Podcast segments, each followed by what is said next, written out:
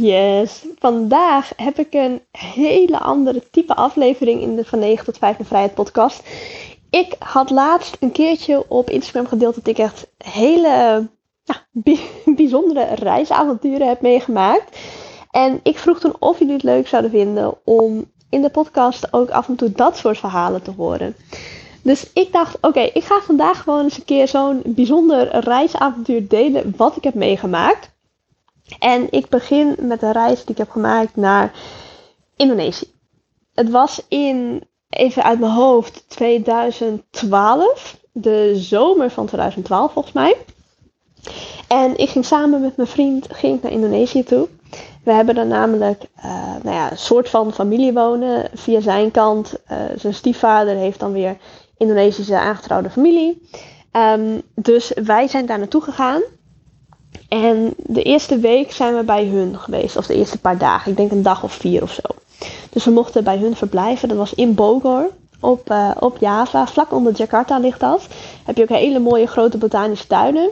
Dus sowieso wel interessant als je een keertje naar Jakarta gaat. Je bent in de buurt om naar Bogor te gaan. Maar goed, dat even daar gelaten.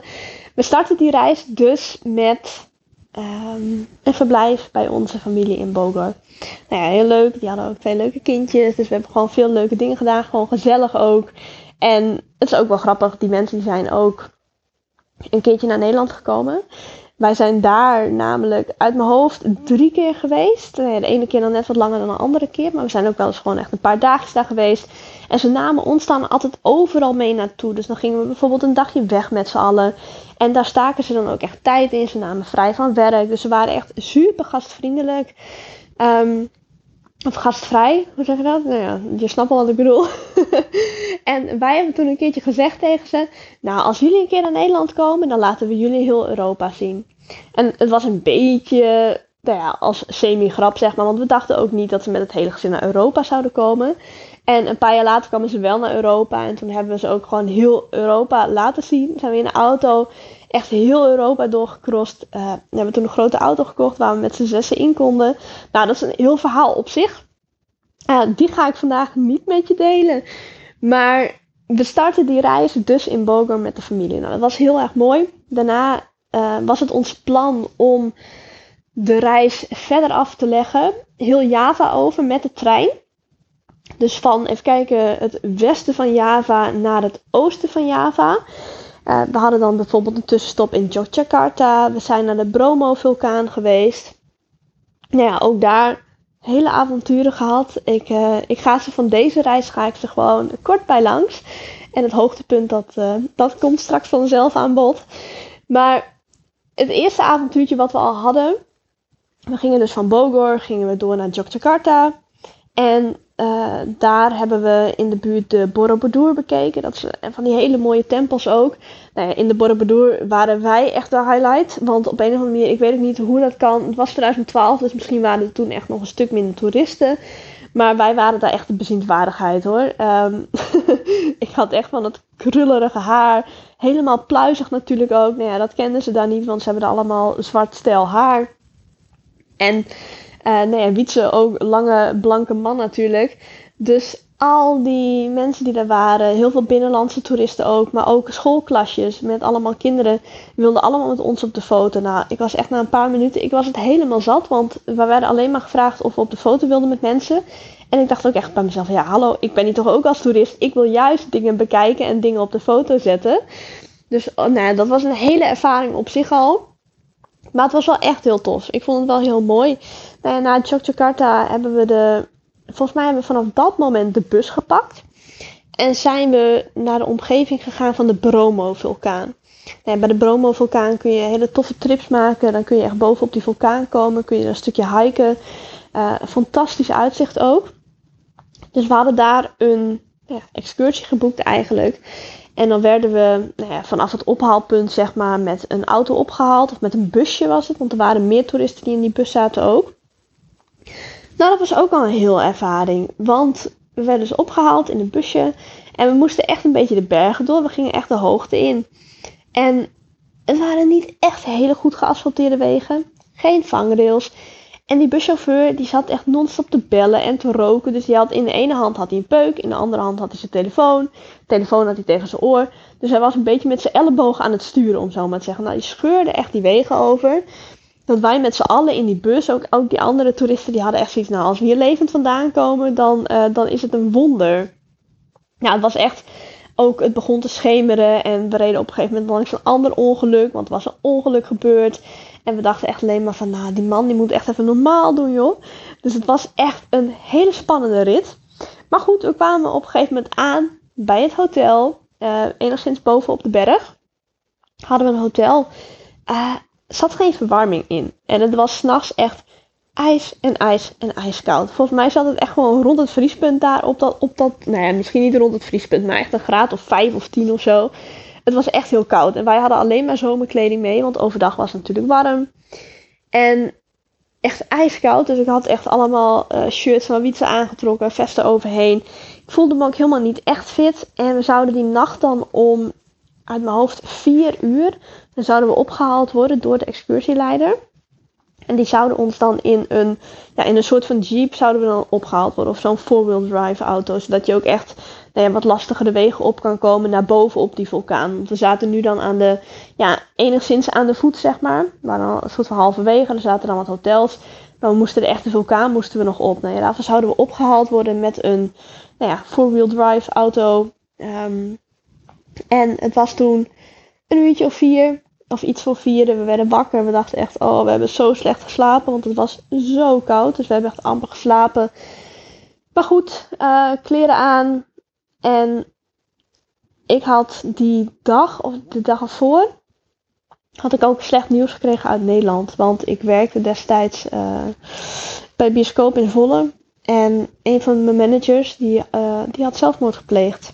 Um, en dat nieuws kreeg ik terwijl ik helemaal in Indonesië zat. En ik kon ook echt heel goed met hem opschieten. Dus dat deed me echt heel veel pijn. Um, dus daardoor voelde ik me ook al wat minder lekker. Misschien ook daardoor wat minder goed geslapen. Maar goed, we gingen op dat moment naar buiten. Wachten op de auto die ons zou ophalen. Nou, die chauffeur kwam er aan. En die zou die auto even parkeren of omkeren. Weet ik veel wat hij aan het doen was.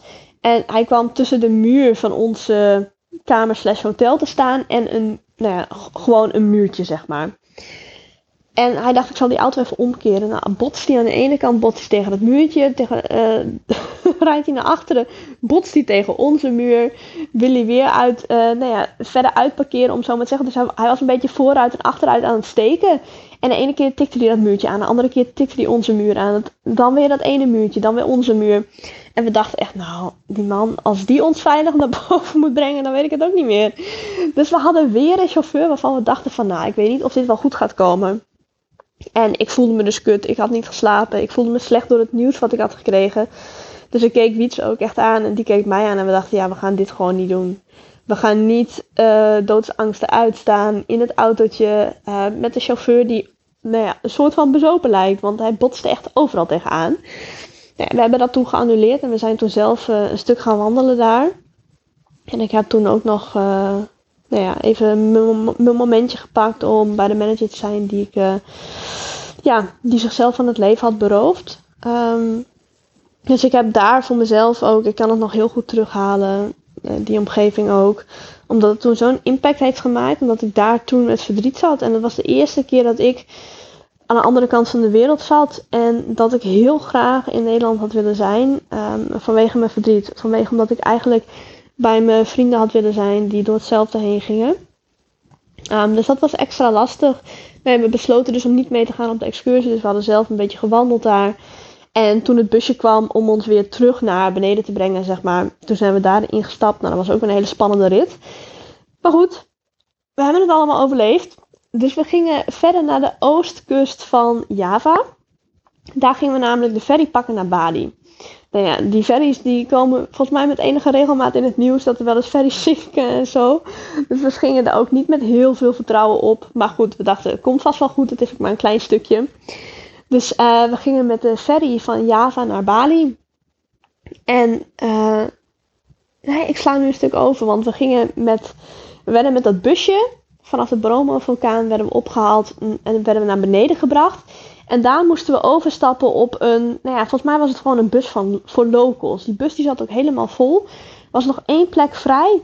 Alleen het was niet een complete tweepersoons zitplek, maar eigenlijk, nou ja, een beetje een anderhalf zitplek. En het was echt een rit van zeven uren of zo die we moesten maken. Nou ja, Witse zat op het stoeltje gepropt en ik kon er nog een beetje half, naast zitten, zeg maar. Dus het was een rit van zeven uren in een bus zonder echt normaal te kunnen zitten. Gingen wij naar die ferry uh, die ons naar Bali zou brengen. En we hadden van tevoren dus met die maatschappij, waar we dit allemaal bij hadden geboekt, hadden we ook al wel afgesproken dat er een taxi klaar zou staan op Bali om ons vervolgens naar ons hotel in Lovina te brengen. Lovina ligt aan de noordkant van Bali. Um, dus je gaat dan niet het meest toeristische deel in, maar eigenlijk meer het rustige deel. Dus toen wij daar aankwamen op Bali, toen dachten we ook, nou ja, we hopen dat in ieder geval onze taxi er gewoon staat, dat we worden opgehaald. Dus we kwamen van die ferry af en uh, we hadden beide een backpack mee. We waren echt van die backpackers rondreizende door Indonesië. En uh, ja, er stond een taxi met onze naam. Dus we dachten, oh hartstikke mooi. Dus die man die komt naar ons toe en die vraagt... Ja, vinden jullie het goed als mijn vader ook meerijdt? Want die komt ook van deze ferry af en dan kan ik hem ook gelijk meenemen. Nou ja, we dachten ja prima. Dus die man die ging gewoon voorin zitten, zijn vader ook voorin en wij gingen op de achterbank. En op een gegeven moment, nou ja, we rijden en het was ook al donker, want eind van de middag kwamen we aan op Bali en het was echt nog wel een stukje rijden naar Lovina. Dus het was ook donker dat we in de auto zaten.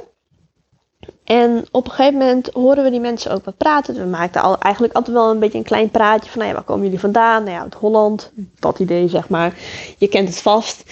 Um, dus een beetje een klein praatje. En op een gegeven moment, nou ja, ik was wel een beetje moe, dus ik dobbelde af en toe al een heel klein beetje weg. Maar we konden die mensen nog wel steeds horen praten met elkaar ook. Dus de vader met de zoon. En op een gegeven moment noemden ze ja, eigenlijk onze complete reisroute op. Dus ze hadden het over Jakarta, ze hadden het over Bogor, over Yogyakarta, over Bromo. En toen dachten we bij onszelf van, huh, dat is onze complete rit. Dus we hadden het idee dat die mensen het over ons hadden of zo. Dus het was heel vaag. Dus Wietse die dacht op een gegeven moment ook van, nou, ik ga toch een beetje, een beetje peilen, een beetje informeren van, joh, uh, waarom hebben ze het over die plekken? En toen zeiden ze dus ook dat, nou ja, dat die vader, zeg maar, nou ja, die hele rit had, had, had afgelegd zelf. En we dachten, oké, nou ja, toevallig dan. Heel toevallig, dat hij echt precies dezelfde plekken was langs gegaan. En ineens trekt die vader gewoon een dikke revolver uit zijn jaszak. En ik dacht echt, holy shit, die man heeft gewoon een pistool. Oh nee, en het was donker en we reden met mensen en ze hadden net onze hele route opgenoemd. Dus het was net alsof ze uh, ons een soort van gevolgd hadden. En in één keer was er een pistool in de auto. En die man die ging een beetje spelen met dat pistool. Een beetje de, de bullets, uh, hoe heet het? De kogels inladen. Een beetje daarmee spelen en zo. Dus hij was ook echt geladen. En ik dacht echt, oh mijn god. En die man die zat echt de hele tijd achterom te kijken. Een beetje viezig naar mij te kijken. Ik was ook echt een meisje van, nou hoe oud was ik toen? Uh, eh, 19 denk ik. En ja, ik dacht echt, oké, ik ga me gewoon net doen alsof ik slaap of zo. Ik wil dit gewoon niet zien. Ik, ik wil dit allemaal niet. En toen zeiden we tegen elkaar, Wietse en ik, van nou, we mogen, uh, van geluk spreken. Als we straks uit de auto worden gezet en als onze spullen gewoon gejat worden. En worst case scenario zou zijn dat we ook nog een kogel door onze kop zouden krijgen. Dat was een beetje hoe we er op dat moment in stonden. Het was echt. Ik ben volgens mij nog nooit zo bang geweest. En Wietse ook niet. Dus Wietse die bleef een beetje, bleef een beetje praten met die mensen. Want ik dacht, nou ik moet toch maar een beetje vissen naar, oké, waarom heeft deze man een pistool in de auto? Waarom zit hij hem vol te laden? En ze raakte een beetje in gesprek. En er kwamen echt de meest gekke verhalen aan tafel. Dat die man, die zou van de Indonesische CIA zijn en nou ja, dat soort dingen. Maar wij wisten wel dat dat niet bestond. We hebben dus ook die familie dus wonen in Indonesië. En we hebben dat later ook nog met hun besproken. En die zeiden ook echt, ja, maar dat bestaat hier niet. Dat, dat hebben we hier niet. Dat is niet zo. En het schijnt dus, achteraf, dat wisten wij ook niet, dat daar waar wij langs reden, dus die route die we aflegden, dat daar s'nachts, dus in het donker, nog wel eens wat overvallen plaatsvinden op auto's die daar langs rijden. Dus waarschijnlijk was het gewoon een soort van zelfverdediging geweest. Van nou ja, oké, mocht, mochten de mensen voor die auto springen, dat je in ieder geval een wapen bij je hebt om die mensen weg te jagen. Dat was achteraf. Alleen in het moment zelf was het dus echt gewoon doods en doods en doods eng. Dus we reden verder en ik had wel mijn telefoon ook. En daar bekeken we de route op. Dus we wisten, oké, waar ligt het hotel? Nou waar kwamen we van de ferry? En dan kon je met de GPS wel volgen waar je was. Dus we gingen nog steeds de goede kant op. Dus ergens bood dat een soort van rust. Ehm, en op een gegeven moment kwamen we steeds dichter bij het hotel en waren bij het hotel. En we dachten, oké, als we nu onze tassen maar mee kunnen nemen uit de kofferbak, dat ze niet in één keer wegrijden of zo. Nou, we hadden die tassen eruit en die man die reed gewoon, die, die reed gewoon weg. Er was niks aan de hand. Die had ons gewoon afgezet bij het hotel. En we dachten echt, holy shit, wat is er hier nou gebeurd dan? Dus we waren echt helemaal vol met adrenaline. En ja, ik kan het ook gewoon niet goed vertellen. Ik, ik merk echt, oh, het is gewoon. Je, je kunt je bijna niet inbeelden hoe dat heeft gevoeld toen wij daar op die achterbank zaten. Met die, die oudere man die, die daarvoor al een beetje viezig naar me zat te kijken. En op een gegeven moment pakt hij gewoon een pistool, gaat hij dat ding volladen. Nou, dan weet je gewoon echt niet wat je overkomt. Dan hoop je echt gewoon dat je aan de kant van de weg eruit wordt gegooid. En dat ze je tas meenemen, zeg maar. Dat is dan best case scenario. Maar we werden dus gewoon afgezet bij het hotel. Met onze tassen. Niks aan de hand. Nou ja, dat was in ieder geval de trip naar Lovina. Daarna hebben we een paar dagen heerlijk doorgebracht in Lovina. Een heel fijn hotel aan het strand. Um, hele lieve mensen ook. Ja, vervolgens zijn we met een taxi naar, uh, even kijken, waar zijn we toen naartoe gegaan? Naar Kuta gegaan dat was destijds, zou dat dan een beetje de hotspot zijn van Bali. Nou, wij vonden daar echt helemaal niks aan. Alleen met dronken Australiërs, uh, veel geschreeuw. Echt verschrikkelijk. Vonden er echt letterlijk niks aan. Dus op dat moment hadden wij ook het gevoel van ja, weet je, Bali, daar hoeven we nooit meer te komen. Dat hebben we wel een beetje gehad zo. Maar ja, dat was dus 2012, een hele andere wereld dan wat het nu is. Um, en misschien hebben we ook gewoon echt op de verkeerde plek gezeten. Want Kuta zou ik nu ook echt niet meer naartoe gaan. Ik zou nu echt of naar Ubud gaan of naar Canggu. Dat is echt zoveel chiller. Of dus naar het noorden van, uh, van Bali. Maar goed, wij gingen Bali verlaten. Um, ik mis nog iets. Ja, ik mis zeker nog iets. Wij gingen op Bali voor de allereerste keer een scooter huren samen. Wietse had uh, vroeger in Nederland ook wel gewoon een scootertje gehad. Dus die wist hoe je scooter moest rijden. Maar we hadden op Bali in Kuta hadden we een scooter gehuurd. Want wij dachten, oké, we gaan eens een keertje naar de Tanalot. Dat is uh, nou ja, een van de bekendere tempels op Bali. Dus die, die herken je vast wel qua naam. Maar vanuit Kuta was dat echt nog wel een stukje rijden. En heel Canggu bestond bijna nog niet. Er waren echt heel veel rijstvelden. Want ik kan me ook nog herinneren dat toen wij daarheen gingen, reden we over dezelfde weg als nou ja, waar je nu overheen zou rijden eigenlijk. En we hadden destijds echt nou voornamelijk alleen maar uitzicht op de rijstvelden. En als je dat nu zou doen, dan zie je voornamelijk bebouwing. Het is echt volledig veranderd daar op Bali. Maar goed, dat mag de pret, mag de pret niet wegnemen. Wij waren naar de Tannenlot geweest. Uh, hele mooie tempel. We vonden het ook echt wel de moeite waard. Vonden het ook leuk om die scooter een dag te hebben. Was voor ons echt de eerste keer zo'n dagje weg op de scooter. Nou, dat vinden we nu helemaal fantastisch. Dus dat doen we nu nog steeds gewoon. Maar we waren naar die Tannelot geweest en we Tannelot bekeken. We dachten, we doen nu even een drankje in een restaurantje. Dus we zaten daar in het restaurantje, uitzicht op zee. En in de verte zagen we echt gitzwarte wolken aankomen. Dus we dachten echt van, oké, laten we ons drankje opdrinken en laten we maar teruggaan naar Kuta voordat de, de buien beginnen. Nou, we zaten nog niet op de scooter en het begon al te regenen volgens mij. En op het moment dat wij terugkwamen bij Kuta, het was echt wel een uur rijden of zo. Omdat nou ja, er waren echt veel minder wegen. Je moest een beetje zigzaggen door de rijstvelden en zo. Dus op het moment dat wij aankwamen in Kuta, stonden daar de straten blank. We moesten echt met de scooter door kniediep water rijden. En het was echt ervaring op zich ook. Mijn slipper was nog kapot gegaan ook. Dus ik zat ook met één blote voet en één slipper achter op die scooter. En we zaten daar echt gewoon te rijden door complete nou ja, riviertjes eigenlijk, maar dan op straat. Dus je wist ook niet waar zit er nou een stoep, waar zit er een gat in de weg of wat dan ook.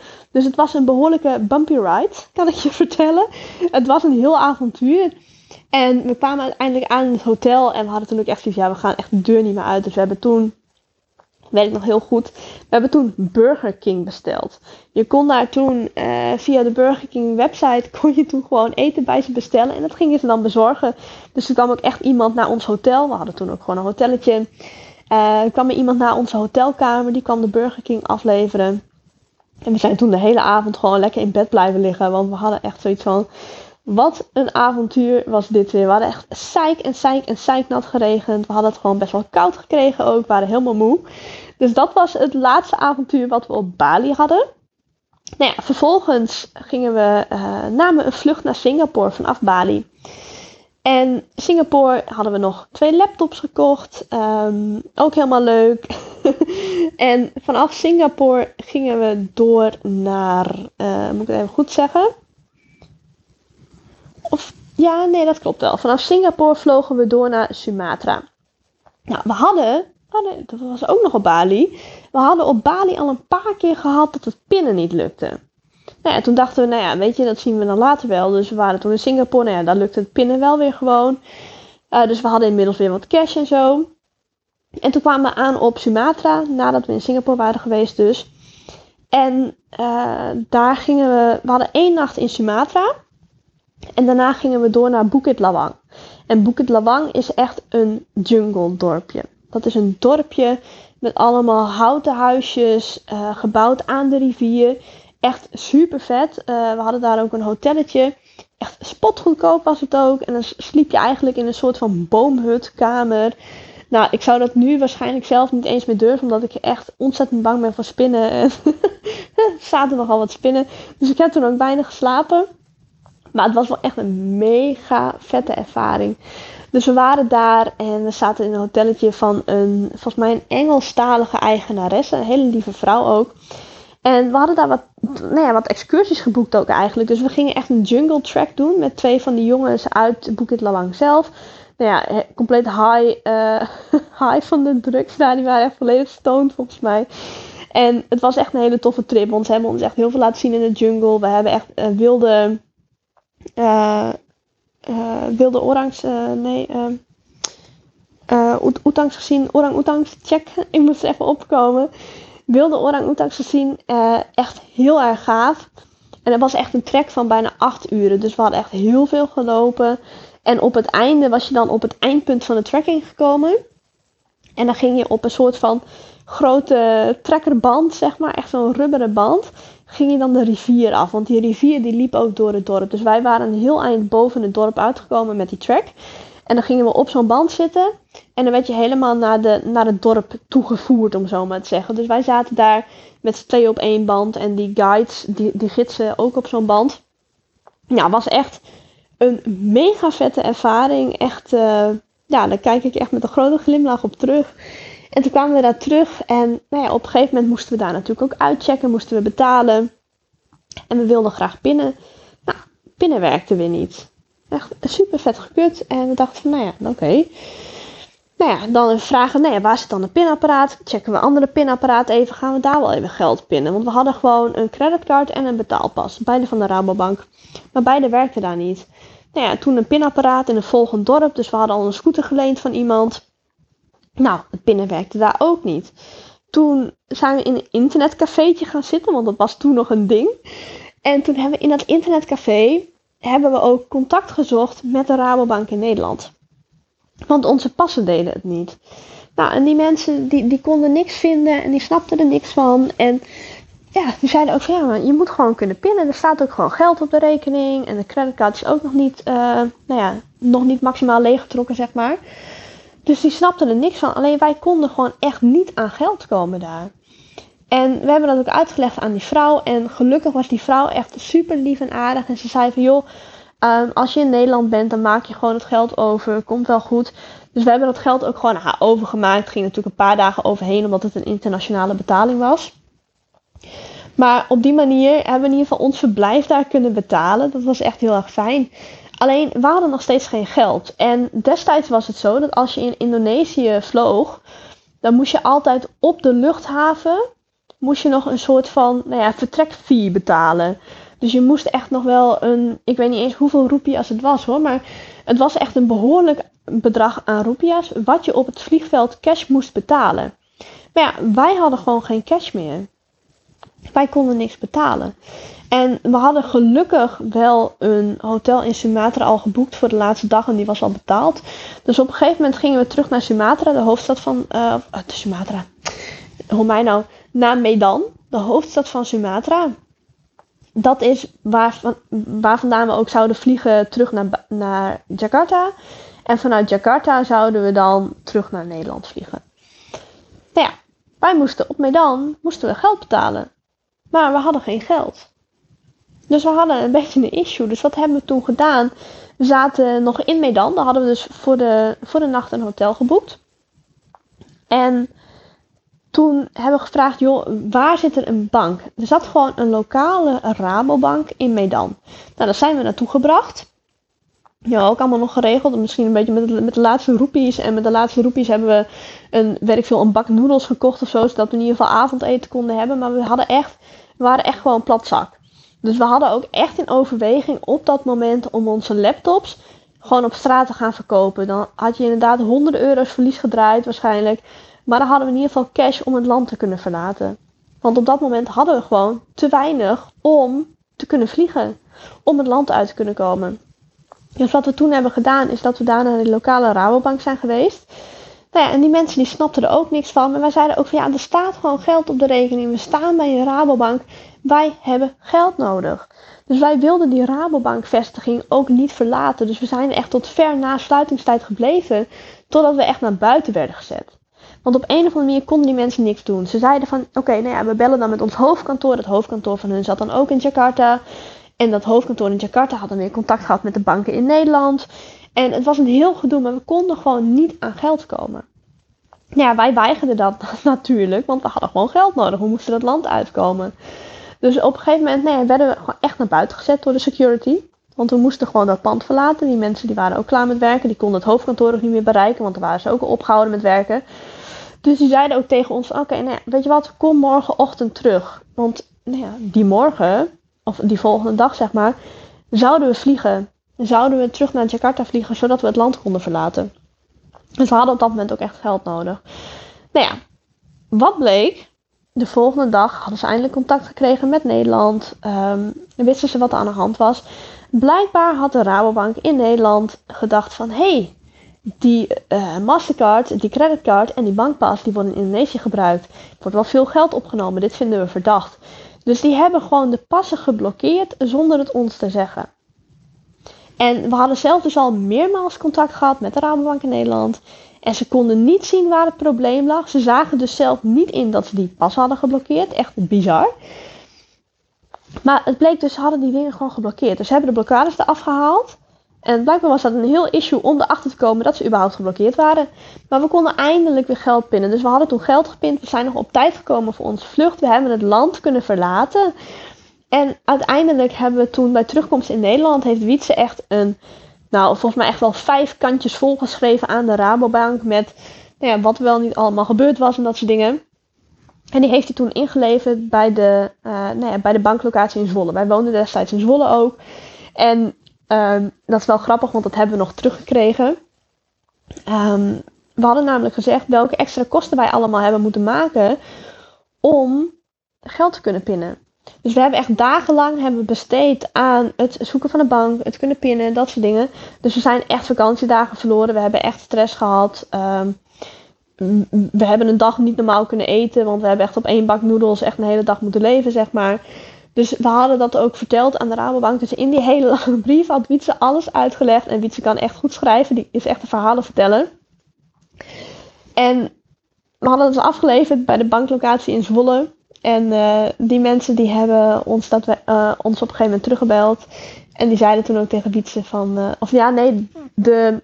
Um, ja, hoe, hoe zeg je dat? De directeur daar te plaatsen, zeg maar. Dus de hoogste pief daar in die locatie. Die heeft Wietse toen zelf teruggebeld. En ze zei van... Ja, mijn collega kwam naar me toe en die, die zei dat ze een brief had ontvangen. En dat ik hem echt, echt moest gaan lezen, zei ze. En toen zei zij dus van, ja, toen zei ik ook tegen mijn collega van, ja, dit is uh, vijf kantjes, dat ga ik toch niet lezen. Ik zei, nee, ga het nou echt lezen, het is de moeite waard, doe maar gewoon. Dus die hele hoge pief is al die kantjes gaan lezen. Het hele verhaal stond erin van welke avonturen we wel niet allemaal hebben meegemaakt, wat er allemaal wel niet is gebeurd. En die vond het zo'n mooi verhaal, dus dat, dat ze ons ook echt persoonlijk wilde bellen. En ze hebben ons toen, nou, volgens mij hebben we toen iets van 400 euro aan kosten teruggekregen of zo. Want we hebben echt ja, taxiritjes moeten maken. We hebben echt complete dagen opgeofferd. Dus het was heel netjes hoe dat uiteindelijk is geregeld. Maar echt de avonturen die we tijdens die reis hebben meegemaakt, dat is echt ongelooflijk. Ik zie ook dat ik gewoon een half uur aan het lullen ben hierover. En ik heb ook nog iets overgeslagen, want toen wij in Medan waren, toen hadden we dus een hotelletje. Ehm, nou ja, het was gewoon een prima hotelletje. Alleen, uh, we hadden dus best wel veel contact gehad met die mensen daar achter de receptie, achter die balie, om uit te leggen van ja, oké, okay, nou ja, waar is een bank? We moeten daarheen. Uh, kunnen we gebracht worden? Dat soort dingen. En op een gegeven moment, ja, dat verhaal, ik, ik weet het niet meer helemaal goed hoe dat nou ging. Maar op een gegeven moment was Wietse echt wel een langere tijd weg. Dat ik echt dacht, nou, waar, waar blijft die jongen nou? Bleek dus dat, dat een van die medewerkers, het was, was een mannetje, die had hem meegenomen naar een of andere wasruimte. En die had Wietse allemaal massages aangeboden en zo. Massage en happy ending en weet ik veel wat allemaal. Dus Wietse die kwam ook echt terug en die zei, nou die deur die gaat nu wel op slot. Want ik wil hier ook gewoon weg. Want die was gewoon meegenomen naar een wasruimte en die deur dicht. En ja, massage, massage, massage. Nou ja, je kent het wel als je in, in, in, uh, in Azië bent geweest. Dan hoor je dat soort dingen wel vaker. Dus het was echt een reis met heel veel avonturen. En ja, heel eerlijk, we hebben nog veel meer reizen met veel avonturen meegemaakt. Uh, maar ik dacht, misschien is het wel leuk om ook eens een keer zo'n soort podcast te gaan delen. Dan word je toch een beetje meegenomen in een verhaal. Maar dit zijn echt de highlights geweest. Of de highlights, de, nou ja, je mag het ook de lowlights noemen van de reis. Want er is natuurlijk nog veel meer gebeurd. Ik had ook heel veel kunnen vertellen over de dingen die we gedaan hebben tijdens de reis. En ja, wat je niet mag overslaan als je daar naartoe gaat, dat soort dingen. Maar dit waren een beetje de, ja, de uitdagende hoogtepunten van onze reis in 2012 door Indonesië.